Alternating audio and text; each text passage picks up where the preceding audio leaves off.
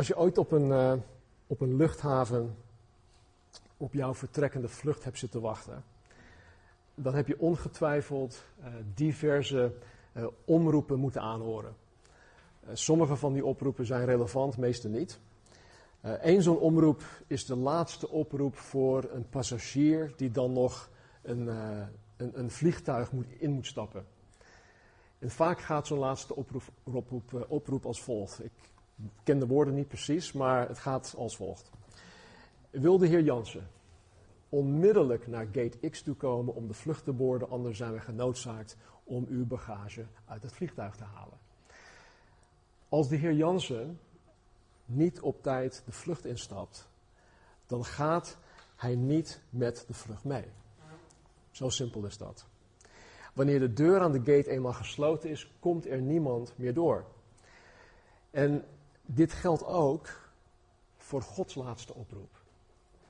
Als God zijn laatste oproep, oproep aan jou doet klinken en jij geeft daar geen gehoor aan, of je bent met andere dingen bezig in plaats van dat je jouw instapkaart paraat hebt, dan zal hij de deur sluiten en dan kom je er helaas niet in.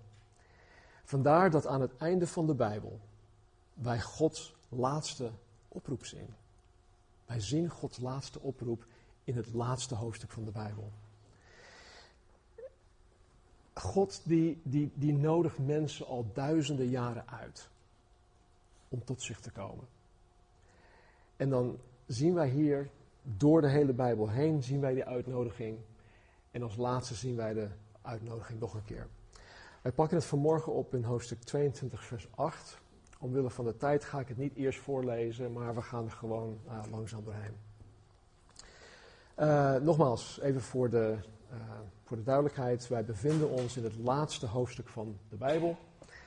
in de tijdlijn van openbaring bevinden we ons dus ook aan het einde van openbaring. Wat eigenlijk het begin van de eeuwigheid is.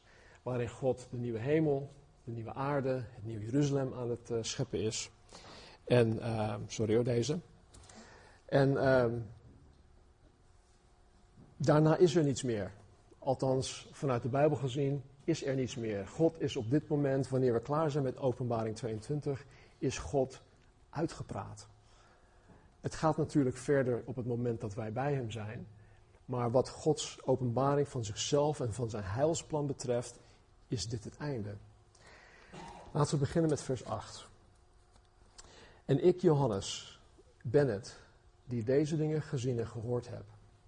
En toen ik ze gehoord en gezien had, viel ik neer om te aanbidden voor de voeten van de engel die mij deze dingen liet zien. Degene aan wie deze brief, de openbaring, naartoe gezonden zou worden. De, de zeven kerken in, in Klein-Azië. Deze kerken kenden, kenden de apostel Johannes. Hij was de laatste levende apostel. En, en, en men kende hem. Hij was een soort van superstar in die tijd. Ondanks dat hij verbannen was op het eiland Patmos. En de reden waarom hij zichzelf hier dan ook noemt, is omdat zij, zich, omdat zij hem kenden. En zijn naam, uh, door zichzelf te noemen, zijn naam uh, voegt iets toe aan de geloofwaardigheid van de openbaring. Niet dat dat per se nodig is, maar vanuit het menselijk oogpunt uh, voegt dat wel iets toe. Juist omdat zij hem persoonlijk kenden. En ze vertrouwden hem. Het is net alsof je een, een, een anonieme brief krijgt van iemand met een geweldige boodschap. Dat zou je minder uh, geloven dan iets dat je van iemand waarvan je houdt, die je vertrouwt, die je persoonlijk kent, zou ontvangen. En dat is dan hier ook het geval. En Johannes garandeert hiermee dat hij de openbaring persoonlijk gezien en gehoord heeft. De, de, combinatie van zien en horen, dat werd in de oudheid beschouwd als een garantie voor betrouwbare kennis van zaken. Het zien en horen. Het was een manier om aan te geven dat zijn getuigenis waar is. Nou, ik heb vaker gezegd dat aanbidding van God vaak een respons is op wie God is. Een respons op wat God uh, doet of wat God gedaan heeft. Met andere woorden, wanneer, wanneer ik tot het besef kom van een bepaalde eigenschap van God, of wat Hij gedaan heeft, of wat Hij op dit moment aan het doen is, dan is mijn respons daarop is, is aanbidding.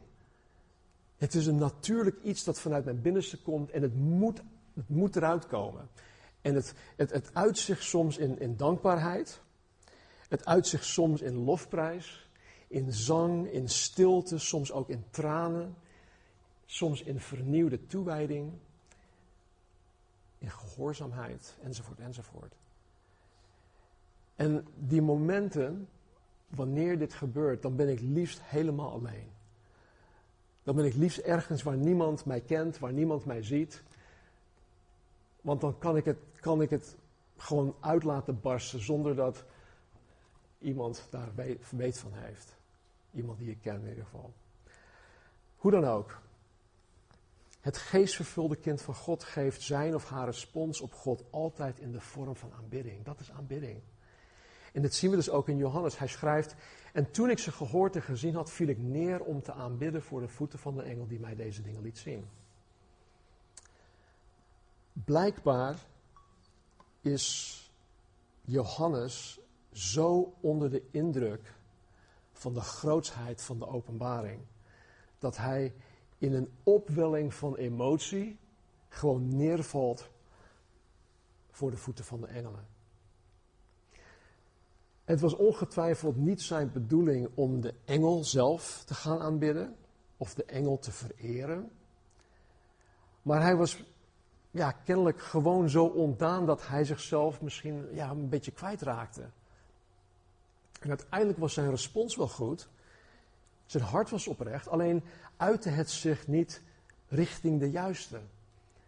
Hij had het al eerder gedaan, volgens mij hoofdstuk 19. Ook daar werd hij gewaarschuwd om dat niet te doen. Dus we kunnen, we kunnen hem wel kwalijk nemen van, joh, Johannes, waar ben je nou mee bezig? Maar ik denk dat als wij in zijn schoenen stonden, om alles te zien en mee te maken en te horen wat hij daar te zien, te horen kreeg, denk ik dat wij ook neer zouden vallen in aanbidding. En hij, dus de engel, vers 9, zei tegen Johannes: Pas op dat u dat niet doet, want ik ben een mededienstknecht van u en van uw broeders, de profeten en van hen die de woorden van dit boek in acht nemen. Aanbid God, zegt de engel tegen Johannes. De engel zegt meteen, dus om, om niet voor zijn, om voor zijn voeten neer te vallen in aanbidding, omdat de engel slechts een, een mededienstknecht is van Johannes. De engel zegt ook dat hij een mededienstknecht is van de broeders van Johannes de profeten. En hiermee stelt uh, stelt de engel Johannes gelijk aan alle grote profeten van de Bijbel. De engel zegt dat hij een mededienstknecht is van ons. Wij die de woorden van de openbaring in acht nemen. Er staat ook in Hebreeën dat de engelen uh, ons dienen. De engelen dienen ons als gelovigen. En tot meerdere malen toe staat in openbaring dat de woorden van de openbaring in acht genomen moeten worden. Dit geeft, ehm, dit geeft op zich aan dat openbaring niet een gesloten boek is. Zoals vele mensen dat, dat beweren. Uh, maar het is, het is juist ehm, iets dat door de kerk van Jezus Christus bestudeerd dient te worden. Openbaring betekent apocalypso, het is een onthulling, het is een openbaring van iets. Het is niet een verberging van iets. Dus het dient juist geleerd en bestudeerd te worden. Zodat de volgelingen van Jezus de woorden daadwerkelijk in acht kunnen nemen. Want het leert ons, wij moeten deze woorden in acht nemen. Als we dat niet lezen, als we dat niet bestuderen, dan kunnen wij die woorden niet in acht nemen. Dus dan zijn we debet aan beide kanten. En dan zegt de engel, aanbid God. Punt uit. Deze vermaning was waarschijnlijk voor sommige lezers in de zeven gemeenten nodig, want in dat gebied, in die tijd, kwam engelenverering voor. we zien dat in de, brief van Colossense bijvoorbeeld, van Paulus, daar, daar noemt hij dat ook. En dit komt trouwens vandaag de dag nog steeds voor, engelenverering. Heb best wel wat mensen die uh, spiritueel zijn, die helemaal weg zijn van engelen, maar op het moment dat je dan uh, ja, over Jezus Christus praat, dan, uh, dan haken ze af. Ze vinden die engelen wel geweldig, maar, maar Jezus niet. En hij, de engel, zei tegen mij: verzegel de woorden van de profetie van dit boek niet, want de tijd is nabij. Weet jullie nog, um, nou misschien weet je dat niet, maar in Daniel, toen God zo'n 2600 jaar geleden de visioenen over de grote verdrukking, over de antichrist, over uh, de toekomst van Israël aan de profeet Daniel gaf, zei God dat hij alles, uh, dat, dat, dat alles dat Daniel gezien en gehoord had, dat Daniel dat moest opschrijven, maar dat hij het ook moest gaan verzegelen. verzegelen. Want het was voor de verre toekomst, staat er. Het was niet voor dat moment, het was voor de verre toekomst. Hier wordt Johannes gezegd om de woorden van de profetie openbaring juist niet te verzegelen. Omdat de tijd nabij is, staat hier. En het feit alleen al dat God niet wil dat de openbaring verzegeld wordt, oftewel dat het niet gelezen of bestudeerd wordt in de kerken, geeft duidelijk aan dat het Gods wens is dat zijn kerk het juist leest. Dat zijn kerk het juist bestudeert, dat zijn kerk het juist in acht neemt. Anders had hij het sowieso niet gegeven. De reden hiertoe is omdat de tijd nabij is. De tijd dat Jezus de gemeente op zal nemen, waardoor de wereld door de verdrukking heen zal gaan en vervolgens Jezus Christus terug zal komen naar de aarde, aarde om het duizendjarig rijk um, in te luiden, dat zit eraan te komen. Vorige week hebben we gekeken naar uh, Hij komt spoedig, spoedig, nou, wat, wat betekent dat? Daar hebben we het uitgebreid over gehad. Maar hier zegt hij het weer, de tijd is nabij.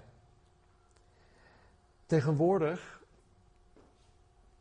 en dit is, is geen verwijt, maar het is een constatering, zijn veel kerken nalatig in het bestuderen en het verkondigen van de openbaring.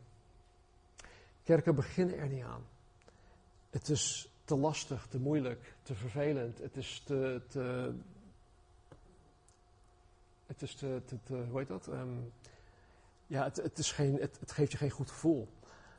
Het is gewoon te, te zwaar. Maar dit was in de eerste gemeente absoluut niet het geval. Natuurlijk hadden ze in de eerste gemeente de openbaring pas aan het eind van, het, van de eerste eeuw.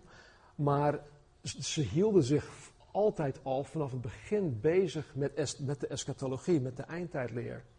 Bijvoorbeeld de apostel Paulus verbleef volgens Handelingen 17 slechts drie sabbatdagen in, in Thessaloniki, bij de Thessalonicensen.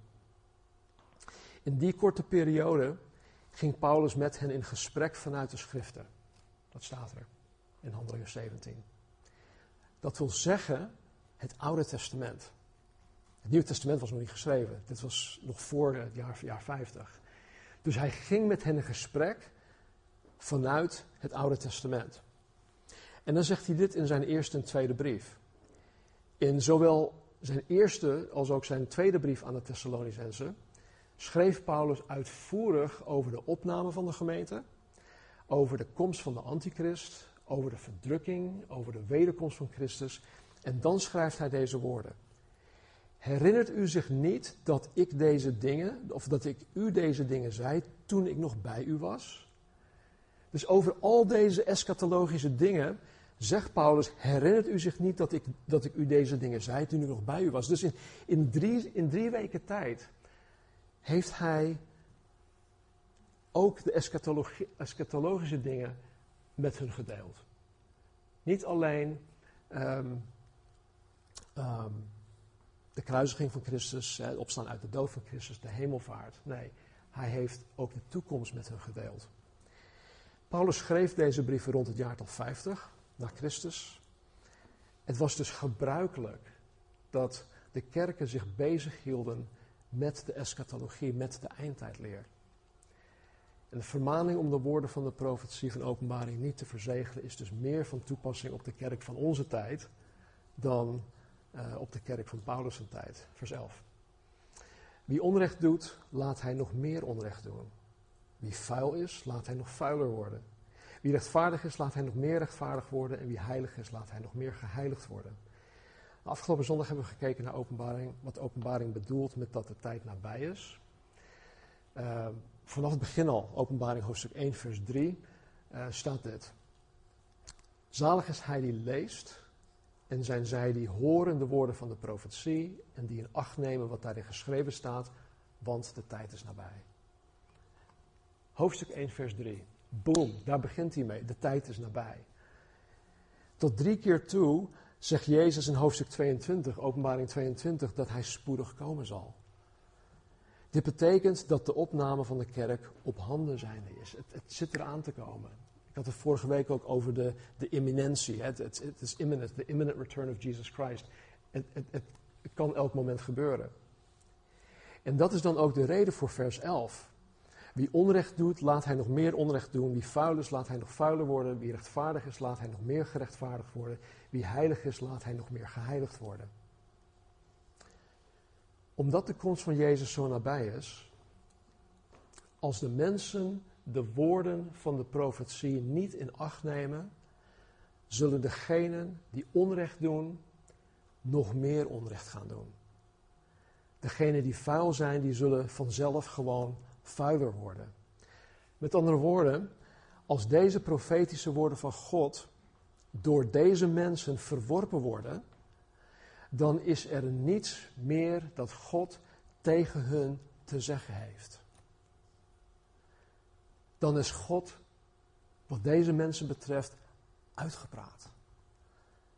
Want deze mensen zullen niets anders van God aannemen. Als het het, het woord van God, als, als men dit verwerpt, dan is God uitgepraat. Dan is het voor hun einde verhaal. God heeft al gesproken. Daarentegen, degenen die rechtvaardig en heilig zijn, zullen onbetwistbaar meer gerechtvaardigd en geheiligd worden. Waarom? Want dat is het effect van het woord van God op het hart van de ware wedergeboren christen. Het kan, het, het, kan niet zo zijn dat als je een wedergeboren christen bent en je de, de, het woord van God toe-eigent, de openbaring toe-eigent, dat je niet meer uh, rechtvaardig wordt of niet meer geheiligd wordt, niet meer als Christus wordt. Dat is onmogelijk. God belooft het. Zoals ik vorige week zei, nadat wij de openbaring hebben gelezen en bestudeerd, horen wij meer van Jezus Christus te houden. Dat is de vrucht daarvan. Wij horen meer te willen zijn zoals Christus is.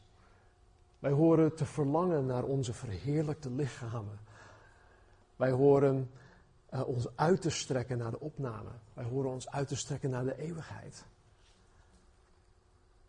En dit is wat de imminente, de, de nabije en zekere komst van Christus met de christen hoort te doen. Het moet een impact hebben op ons. En zie vers 12, ik kom spoedig en mijn loon is bij mij om aan ieder te vergelden zoals zijn, zoals zijn werk zal zijn. Begrijp dit niet verkeerd. Onze redding is zuiver en alleen een kwestie van Gods genade. Wij kunnen daar niets aan toevoegen. Maar voor de goede werken die wij hier op aarde verrichten in Christus, zullen wij beloond worden. we, hebben het, ook hier uitvoerig over gehad in vorige studies. Tegelijkertijd zal zijn loon voor de weerbarstige ongelovigen zich uiten in zijn veroordeling en in de eeuwige straf. En het Centrum voor uh, Bijbelonderzoek zegt dit. Het enkelvoud, zijn werk, karakteriseert iemands leven als één geheel. Dus het is niet zo dat je, dat je moet denken aan een enkele werken, enkele dingen die je doet. Nee, het karakteriseert je hele leven. De vraag is, wat karakteriseert jouw leven? Wat karakteriseert mijn leven? Is het de vrucht van, de, van het geloof, de vrucht van de geest, dat mijn leven, dat jouw leven karakteriseert? Of is het de werken van ongeloof? Zijn het de werken van het vlees? Vers 13. Ik ben de Alpha en de Omega, het begin en het einde, de eerste en de laatste. Nou, dit is eigenlijk al reden genoeg om de woorden van openbaring in acht te nemen. Want hiermee zegt Jezus dat alles, maar dan ook alles, in Hem te vinden is en onder Zijn controle is. Nogmaals, het Centrum voor Bijbelonderzoek. Ik citeer. Het gaat hier om drie paren van titels die uitersten noemen. De achterliggende gedachte is dat Christus ook alles wat ertussen ligt omvat. Wie het begin en het einde vormt, controleert het geheel. Einde citaat. Vers 14. Zalig zijn zij die zijn geboden doen, zodat ze recht mogen hebben op de boom des levens en opdat zij door de poorten de stad mogen binnengaan. Jullie horen te weten wat zalig betekent. Het betekent dolgelukkig. En dolgelukkig zijn zij die het woord van God doen, die daders zijn van het woord van God. Kijk, als Jezus verklaart, of als God verklaart, als de Bijbel verklaart, dat Jezus de weg, de waarheid en het leven is, dat er geen andere weg mogelijk is om het eeuwig leven te krijgen, dan moet ik me daaraan houden. Als de Bijbel verklaart dat ik me moet bekeren van mijn zonde en mezelf tot God richten om eeuwig leven te krijgen, dan moet ik me daaraan houden. Als de Bijbel verklaart dat mijn zonden alleen vergeven kunnen worden door mijn geloof in en navolging van Jezus Christus, dan moet ik me daaraan houden. Ik moet een dader zijn van dat woord om het eeuwig leven te kunnen beërven. Veel mensen zeggen wel, ja, maar ik, ik, ik geloof op mijn eigen manier. Ik kom er ook wel. Heel gevaarlijk. Want dat leert de Bijbel ons niet. En diezelfde mensen zeggen, ja, maar God is toch veel groter dan de Bijbel. Hij heeft toch ook weer veel andere dingen laten schrijven. En, nou, dat is een heel ander gesprek. Maar dat zijn de gedachten van mensen. En daarom is het zaak dat wij mensen weer altijd terugbrengen naar wat God zegt. Niet wat ik vind of wat zij vinden, maar wat God zegt. En het hoeft niet op een vijandige manier of op een, op een ja, dat, je, dat je het bij mensen oplegt. Het kan gewoon heel relaxed, heel rustig. Eh, zoals ik af, afgelopen vrijdag ook op, op de, de bruiloft van, van Antonius en Geel heb gedeeld. Ik wilde per se mensen laten weten dat God de schepper van hemel en aarde is. Heb ik genoemd. Dat hij degene is die het, het huwelijk uh, gecreëerd heeft. Dat zijn dingen die mensen vandaag de dag nooit meer horen. Dat, dat, dat, lezen ze niet in de krant, dat zien ze niet op het internet. Dus belangrijk dat wij deze waarheden, wanneer we de gelegenheid ervoor krijgen, om deze wel met mensen te delen. Het doen van Gods woord, mij houden aan zijn voorschriften voor de redding, geeft mij recht op de boom des levens. Het geeft mij toegang tot het Nieuw Jeruzalem. Ik mag door die poorten heen gaan. Maar, vers 15, buiten bevinden zich de honden. De tovenaars, de ontuchtplegers, de moordenaars, de afgodendienaars en ieder die de leugen heeft, of de leugen lief heeft en doet. Het buiten bedoelt de Bijbel buiten het nieuwe Jeruzalem. Buiten de nieuwe schepping. Buiten de nieuwe hemel en de nieuwe aarde. En dit is wel heel belangrijk om te weten voor deze plaats dat buiten is, geeft het boek Openbaring als enige aanduiding de poel van het vuur. Dus je bent of deelnemer, je bent of inwoner van het Nieuw Jeruzalem in de eeuwigheid, of je bent inwoner van het poel des vuurs. Er is geen andere weg mogelijk. En daarom geeft God ons duizend jaren lang al de uitnodiging. Kom. Daarom zijn de laatste woorden van, uh, het, Bijbel, van het Bijbelboek Openbaring. Kom. De laatste oproep. De honden die hier genoemd worden zijn geen hondjes, dus ik, ik weet niet wat er met honden gaat gebeuren, maar uh, God heeft het niet over onze viervoeters. Honden uh, zijn mensen die volgens Paulus en Petrus valse leer brengen. Volgens Deuteronomium 23 zijn het mannelijke prostituees. Dus dat zijn mensen die, uh, ja, die niet goed bezig zijn. Kortom. Over de overigen die niet de hemel in zullen komen, hebben we het al eerder over gehad. Vers 16, ik Jezus heb mijn engel gezonden om bij u in de gemeenten van deze dingen te getuigen. Ik ben de wortel in het nageslacht van David, de blinkende morgenster. Wij zien hier dat de gehele openbaring door middel van onder andere de engel aan Johannes is gecommuniceerd. De engel nam hem mee, de engel liet hem dit zien, de engel sprak. En hij deed dit om in eerste instantie door te geven aan de zeven gemeenten in Klein-Azië. en in het verlengde daarvan aan de gehele kerk van Jezus Christus, dus ook aan ons vandaag. En dit getuigt nogmaals dat het geen gesloten boek is, maar dat het juist gelezen en bestudeerd dient te worden, dus ook anno 2017. Met de verklaring van Jezus dat hij zowel de wortel als ook het nageslag van David is, zegt Jezus dat hij zowel de stamvader als ook de nakomeling van koning David is. Wat menselijk gezien gewoon niet mogelijk is.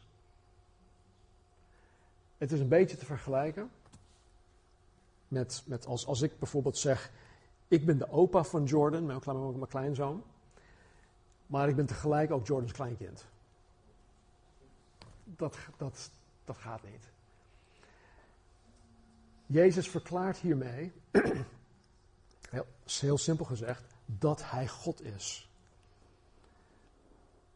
Nog niet gelovige mensen beweren heel vaak dat Jezus nooit gezegd heeft dat hij God is. Nou, er staan zoveel plekken in het Nieuw Testament waar hij daadwerkelijk beweert dat hij God is.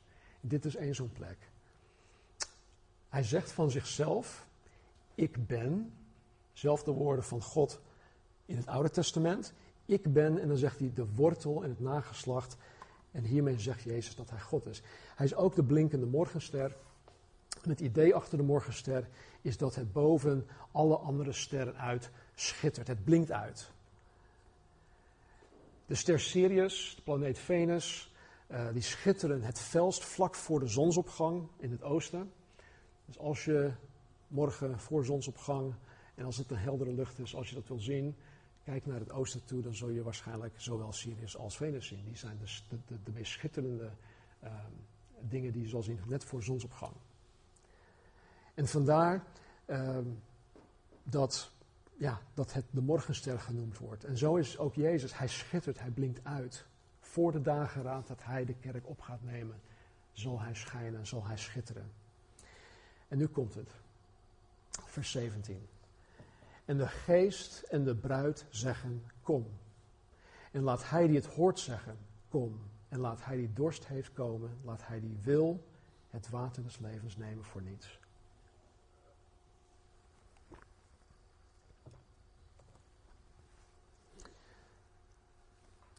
Omdat de openbaring voornamelijk gaat over de wederkomst van Jezus Christus, is het aannemelijk dat de geest van God en de bruid, dat wil zeggen de kerk van Jezus Christus, tegen Jezus zeggen: Kom, kom alsjeblieft, kom. Zoals ik vorige week zei, moet het bestuderen van de openbaring iets met de christen en met de kerk doen. Een van de dingen dat de openbaring in het leven van, van de christen bewerkstelligt, is dat de christen er meer en meer en steeds meer naar verlangt om Jezus te zien komen om zijn kerk op te nemen. Dat hoort iets te zijn dat in ons gebeurt. En dat komt, dat komt tot uiting in het verlangen dat wij Jezus zien komen om de kerk op te nemen. Het is dus zeer aannemelijk dat de Heilige Geest die in elk wedergeboren christen leeft en de kerk samen willen dat Jezus komt. Wij willen dat, wij verlangen daarnaar. Maar dit is slechts één kant van de medaille. Het is een tweezijdige uh, medaille. De Heilige Geest is momenteel in de wereld aan het werk om mensen naar Jezus toe te trekken.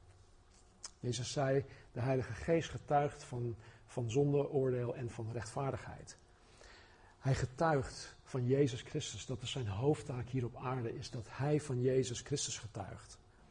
Ik kan niemand tot wedergeboorte leiden. Het is een werk van de Heilige Geest. Wij zijn wel instrument in Gods hand. Wij krijgen wel de opdracht om het evangelie met mensen te delen. Maar uiteindelijk is het de werking van de geest in het hart van de persoon die zo'n persoon tot wedergeboorte brengt. Um, de kerk, wij, die bepaald wordt door de Heilige Geest. Die de grote opdracht uitvoert. Vertellen mensen in de wereld over Jezus om naar Jezus toe te trekken. Om, om naar Jezus toe te komen. Het is dus prachtig, althans ik vind het prachtig om te zien dat God hier in de laatste verse van de Bijbel de laatste oproep doet naar de mensheid om naar Jezus Christus te komen. De geest en de bruid zeggen, kom. Dus enerzijds is het, geloof ik, een, een, een, een verlangen, een, een, een oproep, een, uh, het uitroepen naar Jezus, kom. Anderzijds is het vanuit de kerk, vanuit de Heilige Geest, naar de wereld om ons heen toe, kom. Kom tot Jezus. Kom en ontvang vergeving van zonde. Kom en ontvang het echte leven, leven en overvloed. Kom en ontvang het eeuwige leven. Kom en ontvang alle beloften van de Bijbel, van openbaring. Kom. Kom. De uitnodiging gaat uit naar allen die het, die het horen. Dat wil zeggen, die er oor naar hebben, die het willen horen. De uitnodiging gaat uit naar allen die dorst hebben naar God. Daar hebben we het een paar weken geleden over gehad, wat dorst inhoudt. En het gaat uit naar allen die willen. Kijk, God zal niemand dwingen om om te komen. Er zal niemand in het Nieuw Jeruzalem zijn die zegt van, ik heb totaal geen zin. Wou dat ik ergens anders was. Nee, dat, dat zal echt niet gebeuren. God zal niemand dwingen. Maar tegelijkertijd doet God er alles aan om mensen te overtuigen. Om mensen naar Jezus toe te trekken. Jezus zelf zei dat niemand tot hem kan komen tenzij de Vader hen trekt. Tot twee keer toe zei Jezus dat.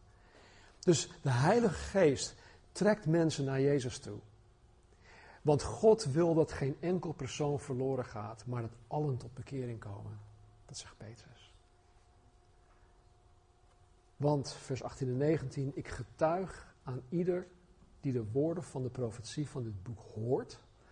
Als iemand iets aan deze dingen toevoegt, zal God hem de plagen toevoegen die in dit boek geschreven zijn.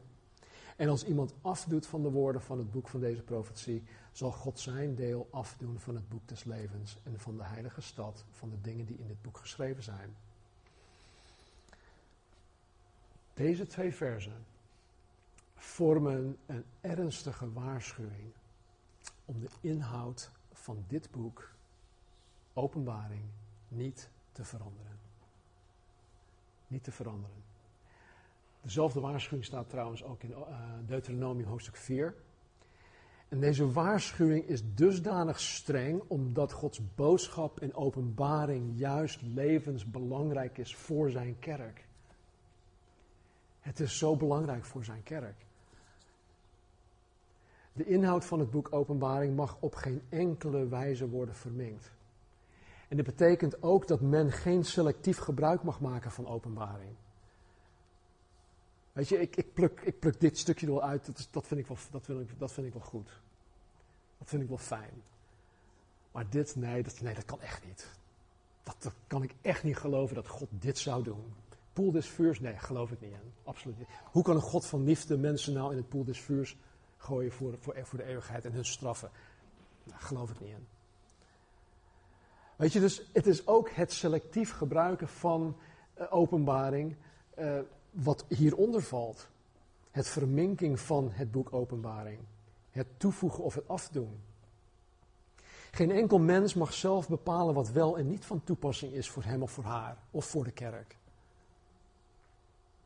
En dit gebeurt trouwens veel te vaak. Een maand geleden kwam een bezoeker hier bij ons uh, in de kerk. Die kwam uit een, uh, nou, die kwam ver, ver hier vandaan. En die persoon zei dat zij haar voorganger had gevraagd om openbaring met de kerk door te willen nemen. Het antwoord van de voorganger was dat het niet relevant is. Dat openbaring niet van toepassing is. Het is één, het is één allegorie, het is, weet het, het is niet van toepassing. En die persoon, joh, die was zo ja, die, was zo uh, bedroefd nadat zij dat antwoord had gekregen.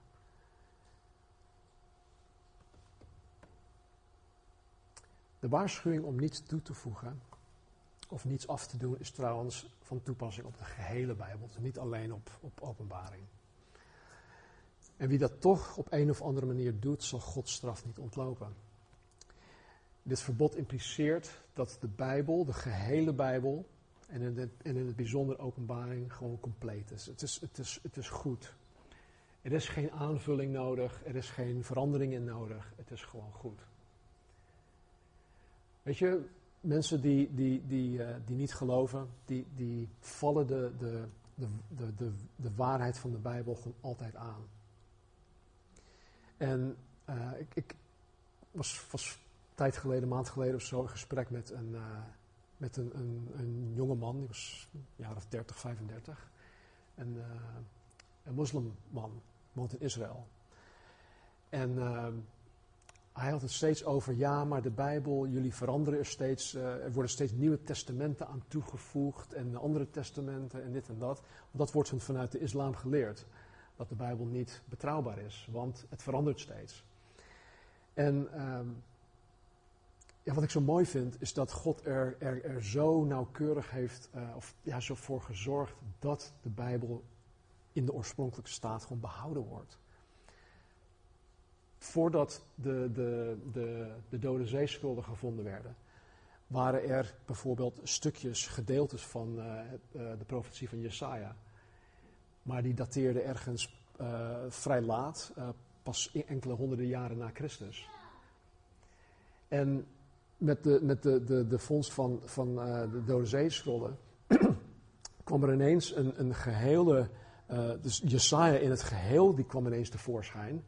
En dat ging helemaal terug tot de tijd van Jezus Christus. Dus wat, wat, hiermee, wat hiermee bedoeld wordt, is dat, um, en dat is precies hetzelfde als wat we nu hebben.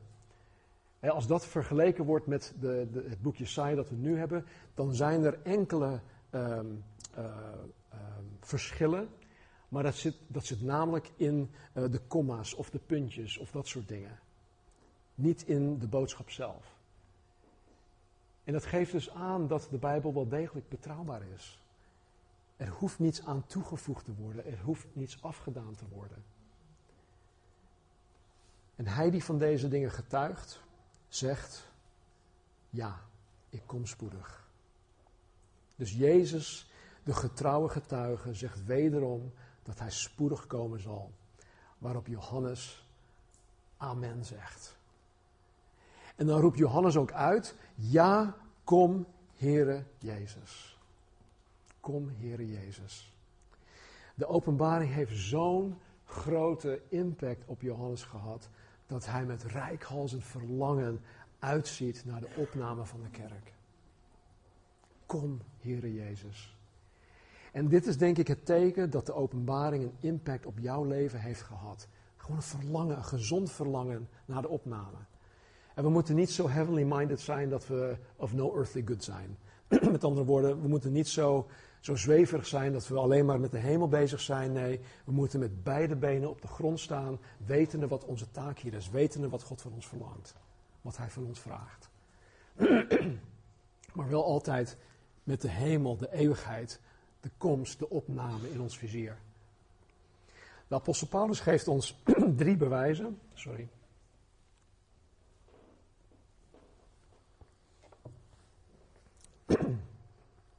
Apostel Paulus geeft ons drie bewijzen van de wedergeboorte. Wel handig om te weten.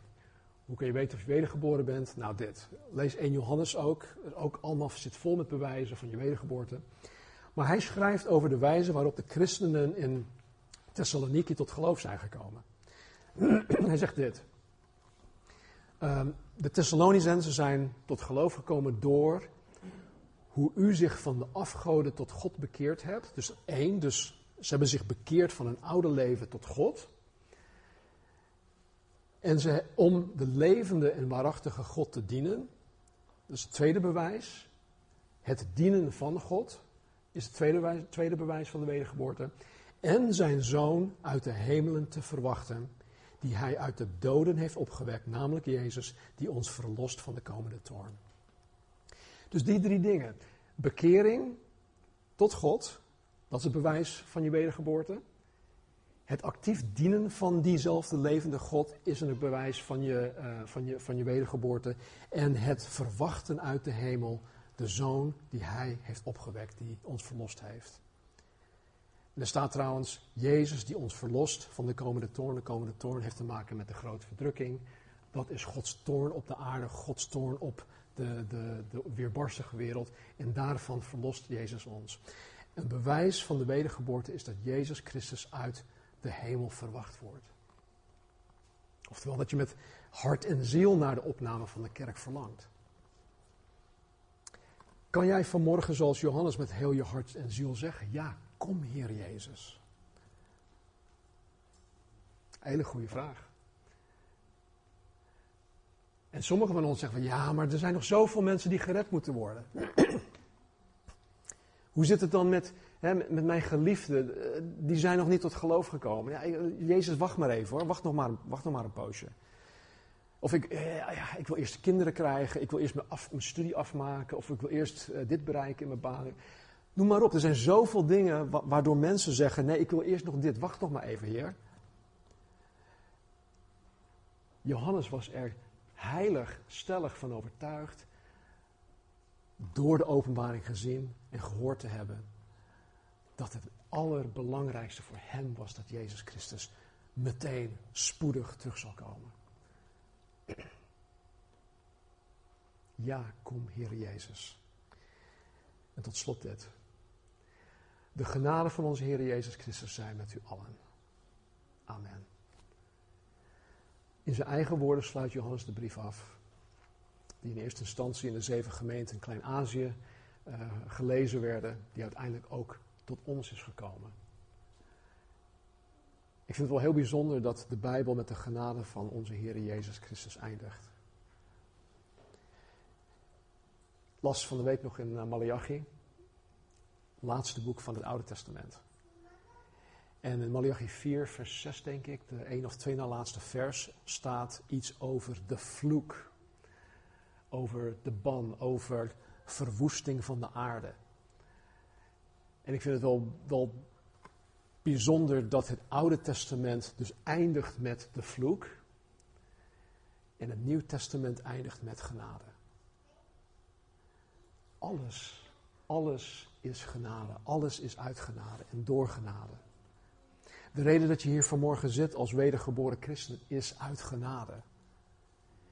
En als je hier vanmorgen eh, bent en je bent nog geen wedergeboren christen, dan ben je hier vanmorgen uit genade.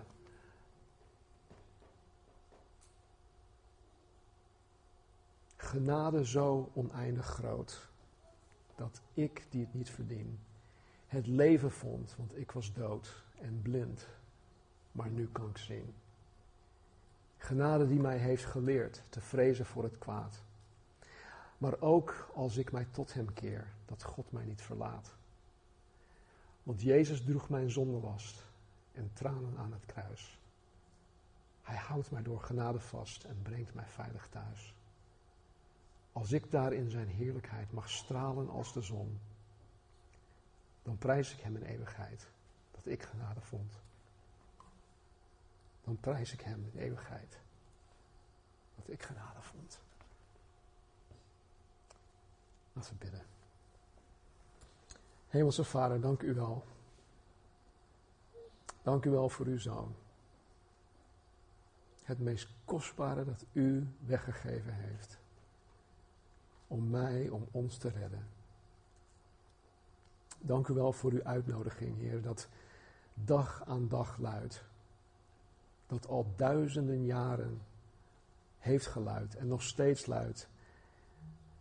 Dank u wel voor deze laatste oproep in Openbaring 22.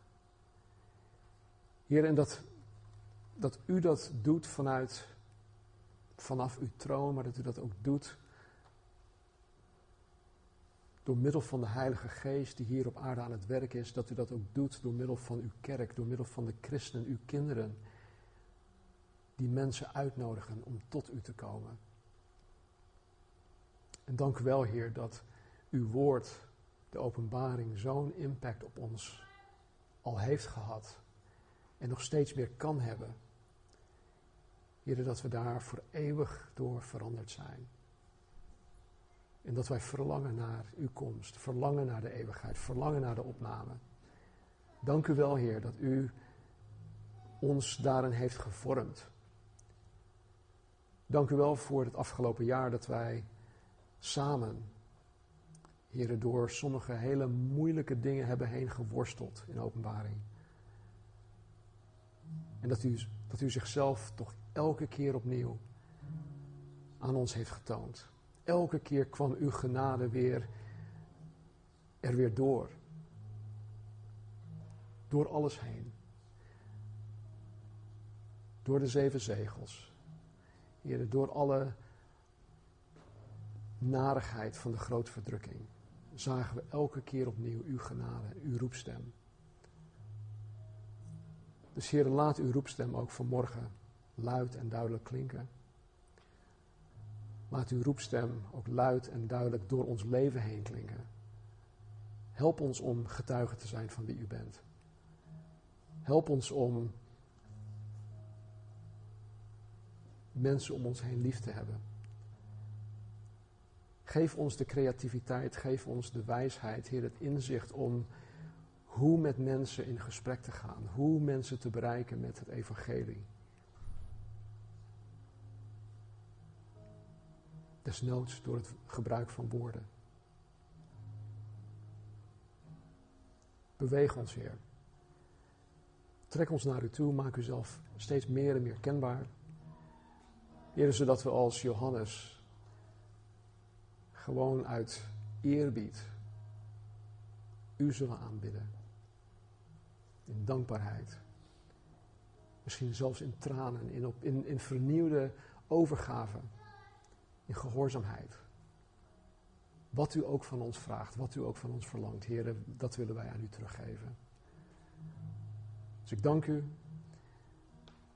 We zien uit, heren, naar wat u vandaag gaat doen, morgen, deze komende week. Ook in de komende zomer, heer. Ik bid ook voor allen die deze uh, komende week op vakantie gaan, die naar het buitenland toe gaan. Heren, behoed en bewaar hen. Ga voor hen uit. Ik bid voor door u geleide afspraken, heren, waarin wij met nog niet gelovige mensen kunnen praten over wie u bent.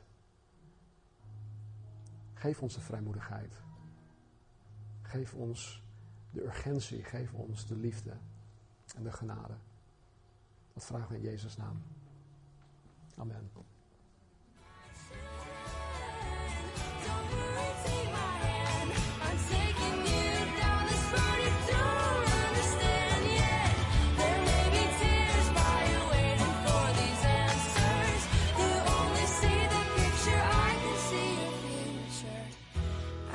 tell you right now, it's gonna be alright.